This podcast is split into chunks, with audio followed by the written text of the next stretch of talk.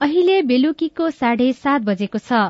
सामुदायिक सूचना नेटवर्क सीआईएनबाट अब प्रसारण हुँदैछ साझा खबर।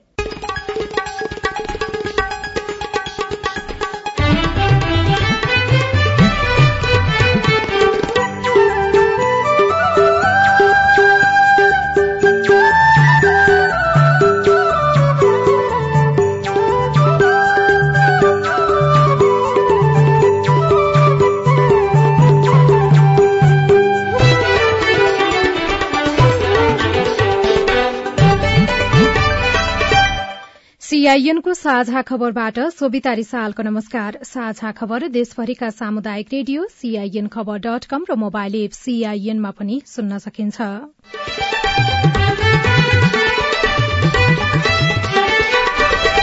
नागरिकता विधेयक राष्ट्रिय सभाबाट जस्ताको त्यस्तै पारित अब प्रतिनिधि सभामा पठाइने विधेयकमा दलीय अडान अनुसार सांसदहरूको धारणा जस्ताको त्यस्तै पारित गर्नुले राष्ट्रपतिको अपमान भएको एमालेको दावी।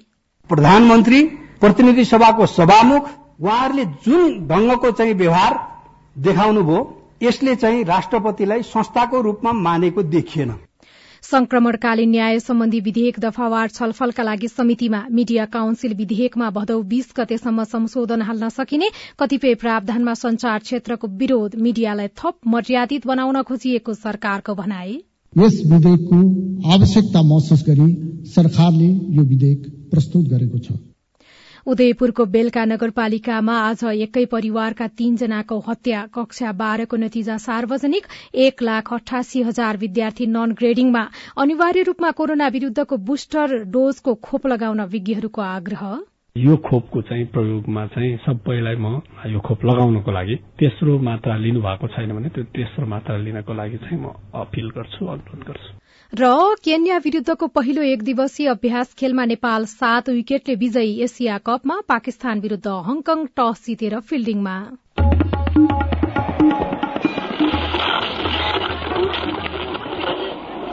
रेडियो। हजारौं रेडियो कर्मी र करोड़ौं नेपालीको माझमा यो हो सामुदायिक सूचना नेटवर्क सीआईएन गत साउनमा मात्रै उनासत्तरी करोड़ सतासी लाख बराबरको विदेशी स्याउ नेपाल भित्रिएको छ जबकि नेपालको कर्णाली र सुदूरपश्चिम प्रदेशमा फलेको स्याउ सस्तोमा समेत बिक्री भइरहेको छैन।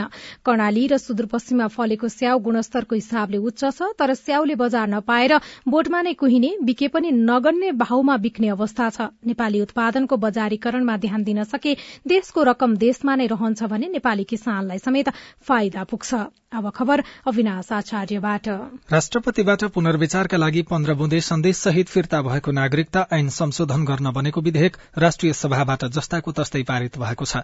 आज बसेको बैठकले केही छलफलपछि विधेयक जस्ताको त्यस्तै पारित गरेको हो।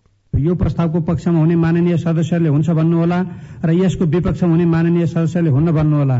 यो प्रस्तावको पक्षमा हुने माननीय सदस्यले हुन्छ भन्नुहोस्। यसको विपक्षमा हुने माननीय सदस्यले हुन्न भन्नुहोस्। हुन्छ भन्ने पक्षका मान्य सदस्यहरूको बहुमत भएकोले सम्माननीय राष्ट्रपतिबाट पुनर्विचारका लागि फिर्ता भई प्रतिनिधि सभाबाट सन्देशसहित प्राप्त नेपाल नागरिकता पहिलो संशोधन विधेयक प्रस्तुत विधेयक दुई हजार उनासी प्रस्तुत रूपमा पुनः पारित गरियोस् भन्ने प्रस्ताव बहुमतले पारित भएको घोषणा गर्दछु। राष्ट्रपतिबाट फिर्ता भएको विधेयक भदौ दुई गते प्रतिनिधि सभाबाट हुबहु पारित भएर राष्ट्रिय सभामा आएको थियो। अब यो विधेयक फेरि प्रतिनिधि सभामा जान्छ। राष्ट्रिय सभाले विधेयक पारित गरेको सन्देश प्रतिनिधि सभामा सुनाएपछि सभामुखबाट प्रमाणित हुँदै फेरि प्रमाणीकरणका लागि राष्ट्रपति कहाँ पुग्छ? यसअघि पहिलो पटक प्राप्त नागरिकता ऐन संशोधन विधेयक राष्ट्रपतिले प्रमाणीकरण नगरी पुनर्विचारका लागि प्रतिनिधि सभामा फिर्ता पठाइदिनु भएको थियो। प्रतिनिधि सभाले जस्ताको त्यस्तै पारित गरेको विधेयक राष्ट्रिय सभाले थप छलफलका लागि विधान समितिमा पठाएको थियो। विधान समितिले पनि जस्ताको त्यस्तै पठाएको विधेयक आज पारित भएको हो। विधेयकमाथिको छलफलमा सांसदहरूले दलीय अडान अनुसार आफ्नो विचार राखे। राष्ट्रिय सभा सदस्य वामदेव गौतमले संसदमा प्रस्तुत भएको नागरिकता विधेयक हुबहु पारित गर्न नहुने बताउँदै जनता जस्ताको त्यस्तै पारित गरिएको खण्डमा राष्ट्रपतिको अपमान हुने बताउनु भएको थियो। हामीले सबै ऐतिहासिक विषयवस्तुहरूलाई केलाउँदाखेरि पनि त्यो सांस्कृतिक विरासित हामीसित हुनु पर्दैन। ती अत्यन्त ग्रहणीय छन् कतिपय विषयहरू। शिक्षा लिने किसिमका छन्। हो त्यस भएर जस्ताको तस्तै पठायौं भनेर गौरव गर्ने विषय होइन।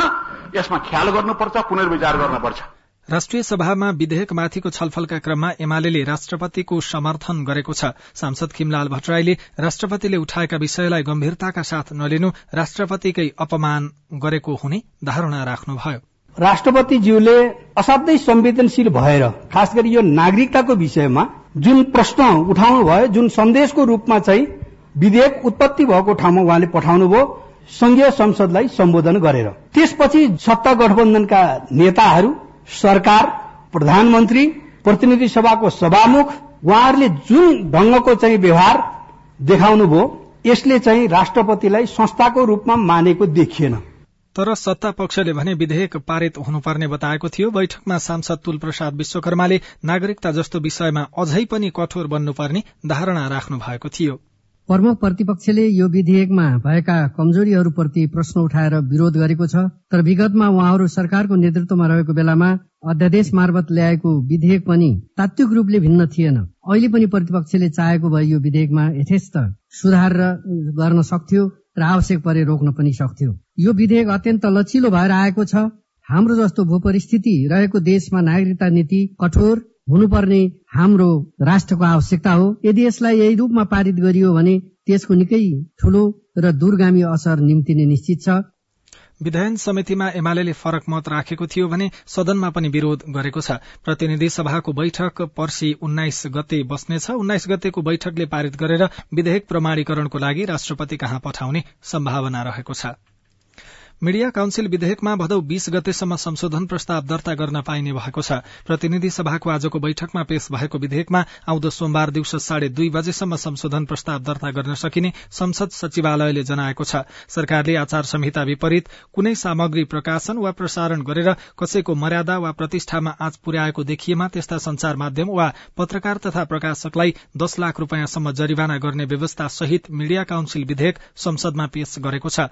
काउन्सिलबाट जारी भएको आचार संहिता विपरीत कुनै सामग्री प्रकाशन वा प्रसारण गरेको कारणबाट कुनै व्यक्ति वा संस्थालाई क्षति पुगेको भएमा काउन्सिलले क्षति पुगेको व्यक्ति वा संस्थालाई क्षतिपूर्ति भराइदिन सक्ने व्यवस्था समेत विधेयकमा छ। सरकारले काउन्सिल लाई विस्थापन गरेर मीडिया काउन्सिल गठन गर्नका लागि द्रुत गतिमा विधेयक पेश गरेको संचार तथा सूचना प्रविधि मन्त्री ज्ञानेन्द्र बहादुर कार्कीले बताउनुभयो। पत्रकारिताको सम्बन्धमा नियमनका लागि प्रेस काउन्सिल भएको भए पनि यसको कार्यक्षेत्र सीमित रहेको र यसले आम संचारका सबै पक्षलाई समेट्न नसकेको यथार्थलाई ध्यान दिएर यस विधेयकको आवश्यकता महसुस गरी सरकारले यो विधेयक प्रस्तुत गरेको छ। यसैबीच आज बसेको बैठकले संक्रमणकालीन न्याय सम्बन्धी कानून निर्माणका लागि सरकारले ल्याएको विधेयकलाई दफावार छलफलका लागि सम्बन्धित समितिमा पठाउने प्रस्ताव पारित गरेको छ। विधेयक अब समितिमा छलफल हुनेछ। कानून न्याय तथा संसदीय मामिला मन्त्री गोविन्द प्रसाद शर्मा कोइरालाले बैठकमा बेपत्ता पारिएका व्यक्तिको छानबिन सत्य निरूपण तथा मेलमिलाप आयोग ऐन दुई हजार एकहत्तर तेस्रो संशोधन विधेयक दफावार छलफलका लागि सम्बन्धित समितिमा पठाउन प्रस्ताव पेश गर्नुभएको थियो। उहाँले प्रमुख प्रतिपक्षका सांसदले गरेको माग बमोजिम नै आफूले उक्त विधेयक दफावार छलफलका लागि समितिमा पठाउन प्रस्ताव गरेको बताउनुभयो। नेकपा माओवादी केन्द्रका अध्यक्ष पुष्पकमल दाहाल प्रचण्डले आगामी चुनावमा एमालेसँग सहकार्यको सम्भावना नरहेको बताउनु भएको छ। सुर्खेतमा आज बिहान पत्रकारहरूसँग कुराकानी गर्दै अध्यक्ष प्रचण्डले गठबन्धनमा असन्तुष्टि भए पनि एमालेसँग सहकार्यको सम्भावना नरहेको बताउनुभयो। बरू गठबन्धनलाई बलियो बनाउन थप छलफल गरिने उहाँको भनाइ छ।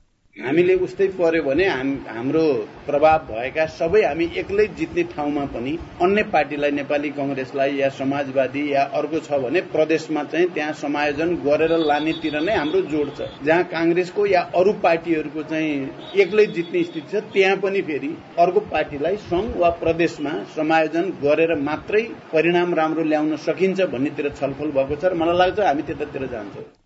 प्रचण्डले आफू चितवन क्षेत्र नम्बर तीनबाट चुनाव लड्ने पनि दोहोर्याउनु भएको छ। गोर्खा एक लगायत विभिन्न क्षेत्रबाट प्रचण्डलाई उम्मेद्वार हुन सिफारिश गरिएको छ तर उहाँले चितवन तीन नछोड्ने प्रश्न पार्नुभयो। यसैबीच माओवादी केन्द्रको बागमती प्रदेश कमिटिले आसन्न चुनावको लागि तेह्रवटै जिल्लाका सबै संघ र प्रदेश निर्वाचन क्षेत्रका लागि प्रत्यक्ष र समानुपातिक उम्मेद्वार छनौट गरेर पठाउन पालिका संघ र प्रदेश निर्वाचन क्षेत्र र जिल्लाहरूलाई निर्देशन दिएको छ। बागमती प्रदेश कमिटिको विस्तारित बैठकले यस्तो निर्देशन दिएको प्रदेश सचिव इन्द्रबहादुर थिङले जानकारी दिनुभयो। राजनैतिक दलहरू धमाधम उम्मेद्वार सिफारिश गरिरहेका छन् तर फौजदारी अभियोग लागेका व्यक्तिहरूलाई समेत सिफारिश गरेको भन्दै आलोचना पनि भइरहेको छ। नेपाली कांग्रेसले जेलमा रहेका रौतहटका अफ्ताब आलमलाई प्रतिनिधि सभा सदस्यको उम्मेद्वारका लागि सिफारिश गरेपछि यसको विरोध भइरहेको छ। सीआईएनसँग कुराकानी गर्दै राजनैतिक विश्लेषक जैनेन्द्र जीवनले कुनै पनि दलले उम्मेद्वार सिफारिश गर्दा वा छनौट गर्दा राजनैतिक छवि उच्च भएको व्यक्ति हेर्नुपर्ने धारणा राख्नुभयो। मोहम्मद आफ्ताब आलमको चाहिँ नि उम्मेदवारीको लागि चाहिँ क्षेत्रीय उसबाट सिफारिस भएर आएको छ नि त। अहिले त अब नेपाली काङ्ग्रेस दलले केन्द्रबाटै त्यो निर्णय गरे होइन नि त। नेपाली काङ्ग्रेसले आफ्नो आत्मघाती निर्णय गर्ने हो भनेदेखि उहाँलाई उम्मेद्वार बनाए हुन्छ। काङ्ग्रेसको देखिने कुरा भयो तर अरू राजनैतिक दलमा पनि फौजदारी अभियोग लागेका व्यक्तिहरू यस अगाडिको निर्वाचनको बेलामा पनि सिफारिस भएका थिए र यसपालिको पनि त्यस्तै चर्चा चलिराखेको छ। समग्रमा राजनैतिक दलहरूले उम्मेद्वार सिफारिस गर्दा अथवा उम्मेद्वारको बारेमा निर्णय गर्दाखेरि ध्यान दिनुपर्ने कुरा चाहिँ के छ अहिले? राजनीतिको अपराधीकरण अपराधको राजनीतिकरण भन्छौ नि हामी सामान्य भाषामा। अब यसको बाध्यता चाहिँ के होला भनेदेखि अब ती मान्छेहरूसँग संगठन छ शक्ति छ त्यहाँ चाहिँ स्थानीय स्तरमा प्रभाव छ दबाव होला रवाफ होला पैसा होला अब त्यसो अपराधीहरूसँग पैसा अवश्य थुप्रै हुन्छ पैसा लाग्छ चुनावमा पैसा नभए जितिँदैन फाइदा हुन्छ भन्ने होला। अब यो कुरोलाई चाहिँ नि उहाँहरूले आफ्नो त्यो चुनावी नाफा घाटाबाट हेर्ने भएको छ जुन गलत हो र यो कुरो प्रवृत्ति बढ्दै गयो भने लोकतन्त्रमा चाहिँ सबै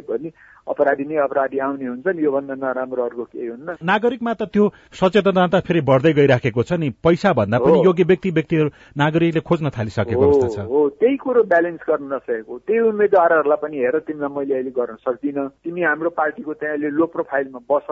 म अर्कालाई टिकट दिन्छु भनेर त्यो ब्यालेन्स गर्न सक्नु पर्थ्यो नि। यतातिर चाहिँ के भने जनताको चेतना स्तर चाहिँ नि पार्टीहरूले सोचे भन्दा चाहिँ नि उन्नत भइरहेको छ। त्यो कुरोको हेक्का राख्न नसकेको त्यसले मलाई लङ टर्ममा गएर कतिको चाहिँ ड्यामेज गर्छ भन्ने आकलन गर्न नसकेको अथवा त्यसमा वास्तै नगरेको या के हुन्छ अरे यस्तो भनेर यो चाहिँ के भने लोकतन्त्र चाहिँ फर ग्रान्टेड लिएको पनि हुनसक्छ।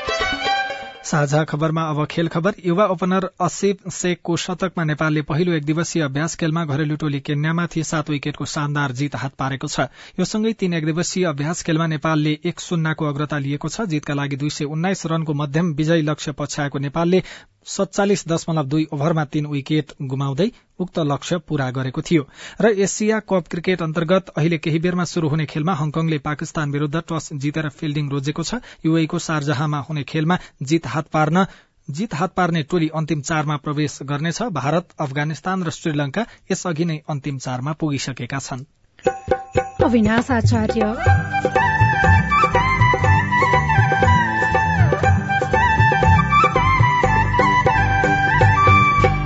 संखुवा सभामा ड्रागन फ्रूट अर्थात सिउडी फलको खेती राम्रो।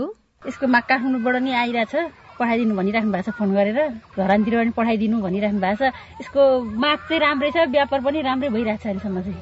उत्पादन गर्न सके बजारीकरणमा समस्या छैन। रिपोर्ट प्रदेश सरकारको पहिलो कार्यकाल र भएका प्रगति प्रदेश खबर विशेष लगायतका सामग्री बाँकी नै छन्। सीआईएनको साझा खबर सुन्दै गर्नुहोला। मम्मी खाजा। मम्मी मेरो होमवर्क गर्ने कापी। बुहारी एकदम खुट्टा दुख्यो। बुहारी चिया खान मन लागेको थियो। बुढी कपडा मैलो भएछ। अरे मेरो परिवार। भर्खरै सुनेको संवाद तपाईँलाई कस्तो लाग्यो? यही संवादलाई फेरि एकपटक यसरी सुनौ न है। मम्मी खाजा आज म बनाउँछु। मिठो बनाउँछु है। मम्मी मेरो होमवर्क गर्ने कापी। मैले खोजिसके। अब म होमवर्क गर्छु। बुहारी एकदम खुट्टा दुख्यो। छोराले तेल तताएर लगाइदिएपछि अलि आराम भयो। बुहारी चिया खान मन लागेको थियो। सबैको लागि बनाएको छु। आऊ सबैजना खान। बुढी कपडा मैलो भएछ। घर नि कस्तो फोहोर। कपडा धोएर भ्याए। अब घर सफा गर्छु। कोरोनाको महामारीबाट बस्न पनि त सरसफाई जरुरी छ नि। आहा मेरो परिवार। तपाईँलाई दोस्रो संवाद कस्तो लाग्यो? पक्कै राम्रो लाग्यो। हो। तपाईँ हामी बीच जिम्मेवारी बोध भयो भने एक अर्का बीचको निकटतालाई अझ राम्रो बनाउन सकिन्छ। बाढी चोडी जिम्मेवारी परिवारमा समझदारी।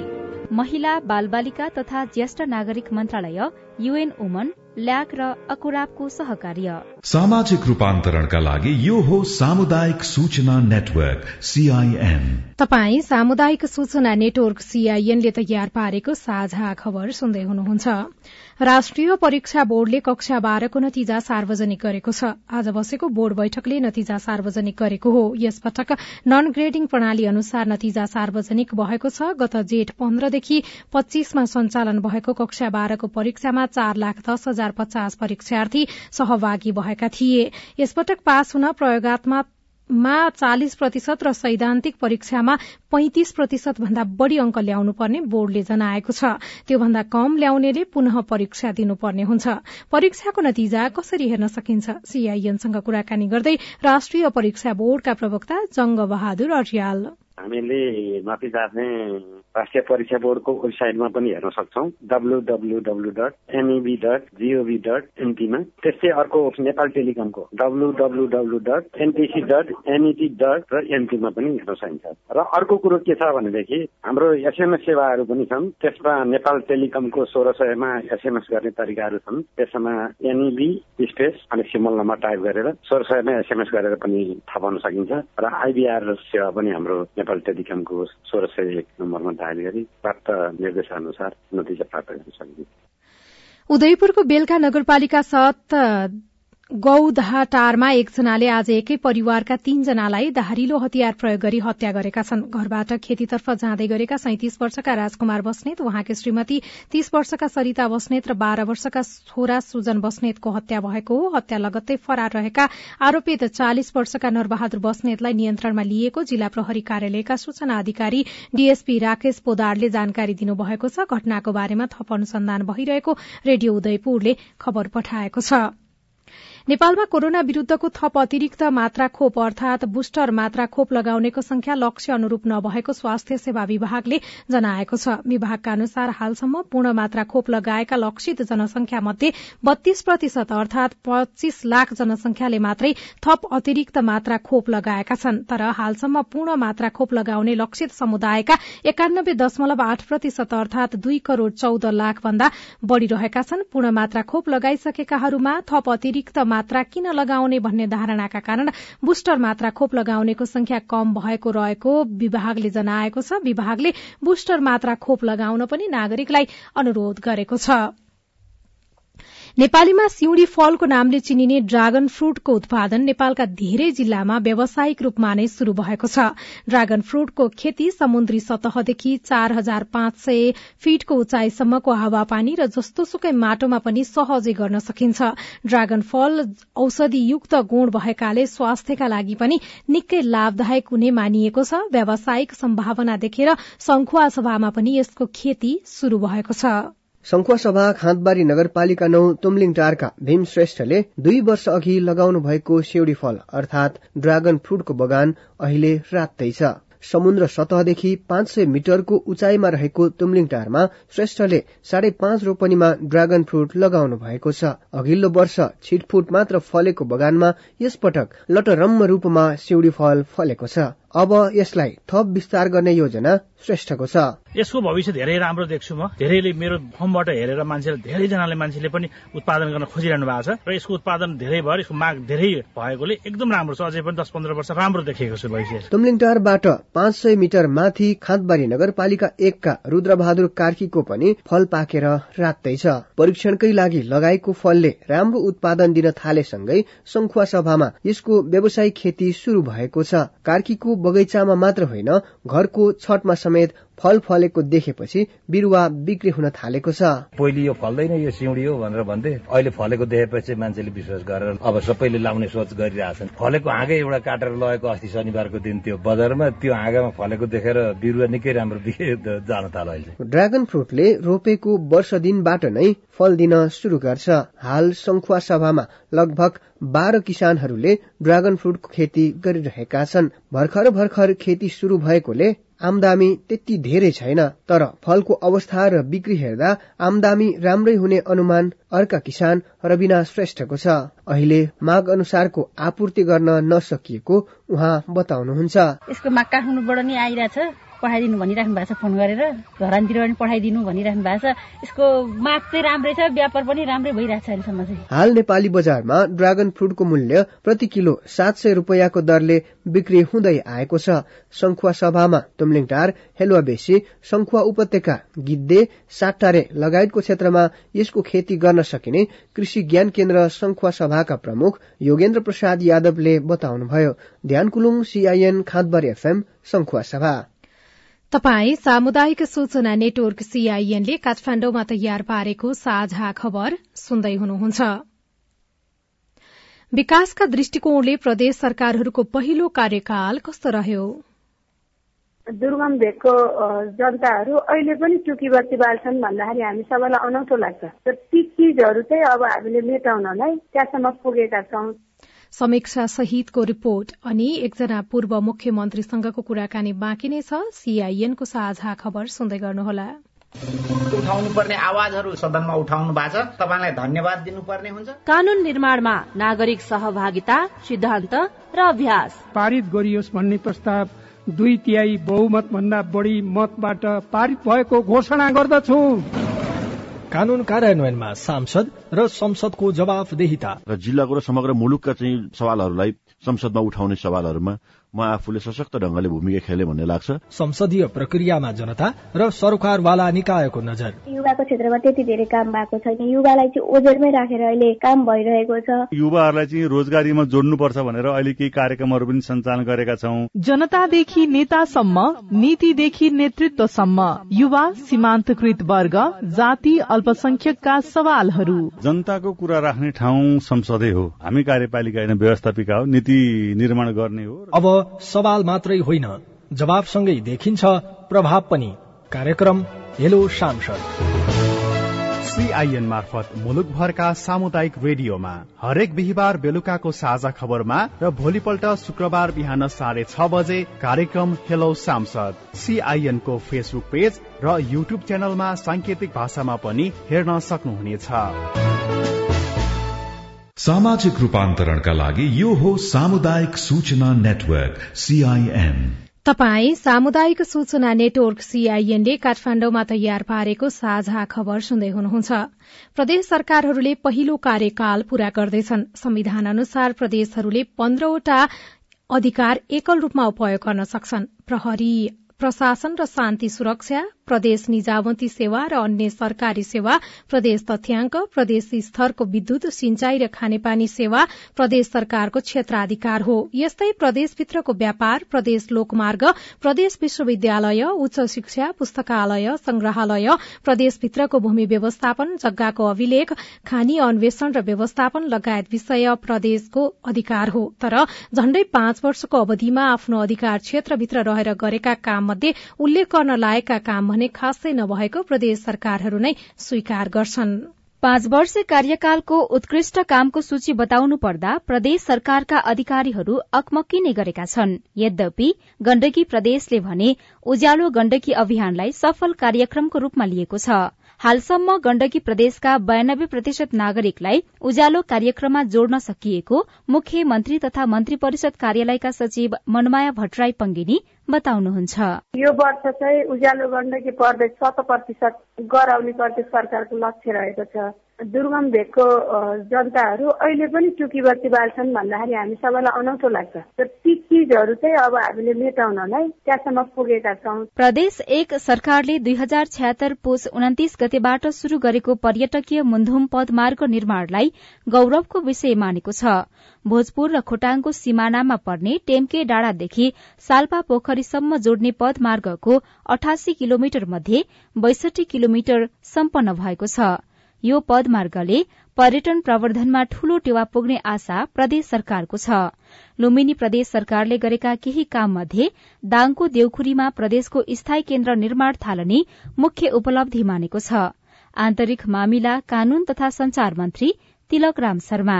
हामीले त नयाँ ठाउँमा राजधानी सार्ने निर्णय गर्यौँ संसद भवन समेत बनिसक्यो। अब अन्य संरचनाहरू बन्दैछन् ल्यान्ड पोलिङ गरेर काम अगाडि बढाइयो होइन? सातवटै प्रदेशमा सबभन्दा उत्कृष्ट नयाँ ठाउँमा राम्रो एकदम राजधानी। कर्णाली प्रदेशले आर्थिक वर्ष दुई हजार पचहत्तर छयत्तरदेखि स्थानीय स्तरमा रोजगारी सृजना गर्न लागू गरिएको मुख्यमन्त्री रोजगार कार्यक्रमलाई महत्वपूर्ण काम मानेको छ। प्रदेशभरिका उनासी पालिकाका सात सय अठारवटै ओडामा रोजगारी सिर्जना हुने गरी तीन वर्षमा साढे एघार अर्ब विनियोजन गरिसकेको मुख्यमन्त्री तथा मन्त्री परिषदको कार्यालयका सचिव आनन्द सारू बताउनुहुन्छ। यो कार्यक्रमलाई अलिकति म्याचिङ गरेर बजेटहरू पनि बढाएर लानु पर्यो भन्ने छ।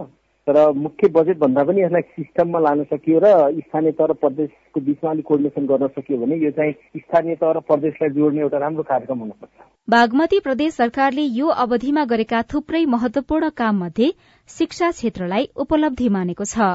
मुख्यमन्त्री राजेन्द्र प्रसाद पाण्डे। विज्ञान प्रविधि विश्वविद्यालय स्थापना गर्न जाँदैछौ। हामीले उच्च शिक्षा ऐन पास गरेका छौँ। त्यो अनुसारले जाँदैछौँ। एउटा एक एउटा मात्रै उपलब्धिको कुरा गर्नुहुन्छ नि त्यो एउटा महत्वपूर्ण काम हो। सुदूरपश्चिम प्रदेशले भने गाउँ गाउँसम्म प्रविधिकरण भएको विषयलाई उपलब्धि मानेको छ। ओडा कार्यालय विद्यालय स्वास्थ्य चौकी लगायतका निकाय अहिले अनलाइन प्रणालीमा जोडिएको छ जसले गर्दा काममा सहजता आएको आन्तरिक मामिला तथा कानून मन्त्री डाक्टर रणबहादुर रावलको भनाइ छ। मध्य प्रदेशले भने प्रदेशको नामाकरणलाई नै पाँच वर्षको उपलब्धि मानेको छ। मुख्यमन्त्री लालबाबु राउत। हामी एउटा मात्र प्रदेश हो जो पहिचानको आधारमा जो मुद्दालाई लिएर जनता मधेस आन्दोलन मधेस जनविद्रोह हो पहिचानको आधारमा नामाकरण गर्ने पहिलो प्रदेश मध्य प्रदेश हो र यो सबभन्दा ठूलो हाम्रो लागि उपलब्धि निर्वाचन नजिकिँदै र आफ्नो कार्यकाल सकिँदै गर्दा प्रदेश सरकार तथा सांसदहरू पाँच वर्षीय अवधिको समीक्षामा जुटिरहेका छन्। पहिलो अनुभव र कानूनको अभावमा प्रभावकारी काम भने गर्न नसकेको उनीहरू नै स्वीकार गर्छन्। सीआईएन काठमाडौँ। प्रदेश सरकारले किन संघीयताको मर्म अनुसार काम गर्न सकेनन्? अनुभव नभएर कि अधिकार नभएर? कर्णाली प्रदेशका पूर्व मुख्यमन्त्री महेन्द्र बहादुर शाहीसँग साथी राजन रुचालले सोध्नु भएको छ। करिब करिब एक वर्ष प्रदेश सरकारलाई आफ्ना आवश्यक संरचना बनाउने र आफ्नो आवश्यक जनशक्तिको व्यवस्थापन चाहिँ गर्ने र आफूलाई चाहिने आवश्यक चाहिँ ऐन कानून नियमावली कार्यविधि चाहिँ बनाउने समय चाहिँ लाग्यो। त्यसपछिका दुईटा वर्षहरू टोटल कोभिडले प्रभाव पारे र कोभिडको बेला पनि विकासका चाहिँ आयोजनाहरू चाहिँ प्रभावित चाहिँ भए। त्यसको बीचबाट पनि अहिले गरेका प्रदेश सरकारले गरेका कामहरू चाहिँ यो त हामी डेटामै हेर्न सक्छौँ। कति गरे भन्ने कुराका बारेमा चाहिँ सडकको कुरा चाहिँ छ। विद्युतीकरणको कुरा चाहिँ छ विद्यालय भवनका कुराहरू चाहिँ छन् खानेपानीका धाराका कुराहरू चाहिँ छन्। त्यसपछि आएर तपाईँको चाहिँ यो पूर्वाधार विकास र त्यसपछि जनताको उत्पादन वृद्धिका लागि गरिएका लगानीहरू र त्यसै सामाजिक सुरक्षामा चाहिँ गरिएका प्रदेश सरकारले गरेको लगानीको कुरालाई चाहिँ हेर्दा प्रदेश सरकारले काहीँ कतै केही पनि गर्न सकेन। भन्ने ठाउँ चाहिँ छैन। तपाईँहरूले काम गरेको दावी गर्नुहुन्छ तपाईँ मुख्यमन्त्री हुँदाखेरि तपाईँले पनि केही कामहरू पक्कै गर्नु भएको छ। अरू मुख्यमन्त्रीहरूले पनि आफ्नो बलबुताले भ्याएसम्म बजेटले भ्याएसम्म काम गर्नु भएको छ। यद्यपि मान्छेहरू चाहिँ प्रदेश सरकारले भने जति विकासको काम गर्न सकेन यसको काम छैन औचित्य छैन भनेर किन बारम्बार त्यो प्रहार गरिराखेका छन् त? तपाईँलाई के लाग्छ? प्रदेश सरकार चाहिँ बनेको कति नै भएर अहिले प्रदेश सरकार चाहिँ बनेको रातारात कायापलटै भइहाल्ने जनताले जुन प्रकारको चाहिँ अमेरिका युरोप स्विजरल्यान्ड अहिलेका विकासशील मुलुकको जस्तो विकास चाहिँ रातारात एकैचोटि खोजेर त कसरी हुन्छ? जनताले आश गर्नु अपेक्षा गर्नु स्वाभाविक चाहिँ हो होइन त? जति जनताले अपेक्षा गरेका छन् आश गरेका छन् त्यति पुरा बिल्कुलै हुन सकेकै छैन। तर हामीले तुलनात्मक हिसाबले यतिका लामो समय केन्द्रीय राज्य सत्ताले गर्नु नसकेका कामहरू अहिले प्रदेश सरकार छोटै समयमा पनि प्रदेश सरकारले गरेका कामहरूको बारेमा पनि त बाहिर बोल्दा हुन्छ नि भन्दा हुन्छ नि त। प्रदेश सरकारको पहिलो कार्यकाललाई हेर्दाखेरि चाहिँ अलि बढी अनुभवको कमीका कारणले गर्दाखेरि भने जति काम गर्न सकिएन भन्ने हो अथवा भने जति अधिकार नभएका कारणले काम गर्न सकिएन भन्ने हो तपाईँको बुझाइ चाहिँ? एउटा तपाईँको अहिलेको संघीय व्यवस्था कारणका लागि चाहिँ संघीय सरकारले चाहिँ गर्नुपर्ने केही चाहिँ कामहरू चाहिँ थिए। जस्तै कि म भन्छु अहिले अब केही चाहिँ त सङ्घीय ऐनहरू चाहिँ बनाउनुपर्छ सङ्घीय ऐन नबनाएर प्रदेशले ऐन बनाउन सक्दैन। अर्को तपाईँले भने जस्तै अनुभवको कुरा पनि भयो फेरि त्यो। नागरिकता विधेयक राष्ट्रिय सभाबाट जस्ताको त्यस्तै पारित भएको छ विधेयक अब प्रतिनिधि सभामा जानेछ। संक्रमणकालीन न्याय सम्बन्धी विधेयक दफावार छलफलका लागि समितिमा पुगेको छ। मीडिया काउन्सिल विधेयकमा भदौ बीस गतेसम्म संशोधन हाल्न सकिनेछ। विधेयकका कतिपय प्रावधानमा संचार क्षेत्रको असहमति रहेको छ। मीडियालाई थप मर्यादित बनाउन विधेयक ल्याइएको सरकारले दावी गरेको छ।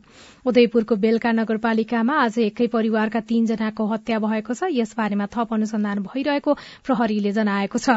कक्षा बाह्रको नतिजा सार्वजनिक भएको छ। एक लाख अठासी हजार विद्यार्थी नन ग्रेडिङमा परेका छन्। र केन्या विरूद्धको पहिलो एक दिवसीय अभ्यास खेलमा नेपाल सात विकेटले विजयी भएको छ। एसिया कपमा पाकिस्तान र हङकङ बीचको खेल अहिले चलिरहेको छ। आजलाई साझा खबरको समय सकियो। प्राविधिक साथी सुरेन्द्र सिंहलाई धन्यवाद। भोलि भदौ अठार गते बिहान छ बजेको साझा खबरमा फेरि भेटौँला। अहिलेलाई सोभितारी साल पनि विदा हुन्छु। नमस्कार शुभरात्री।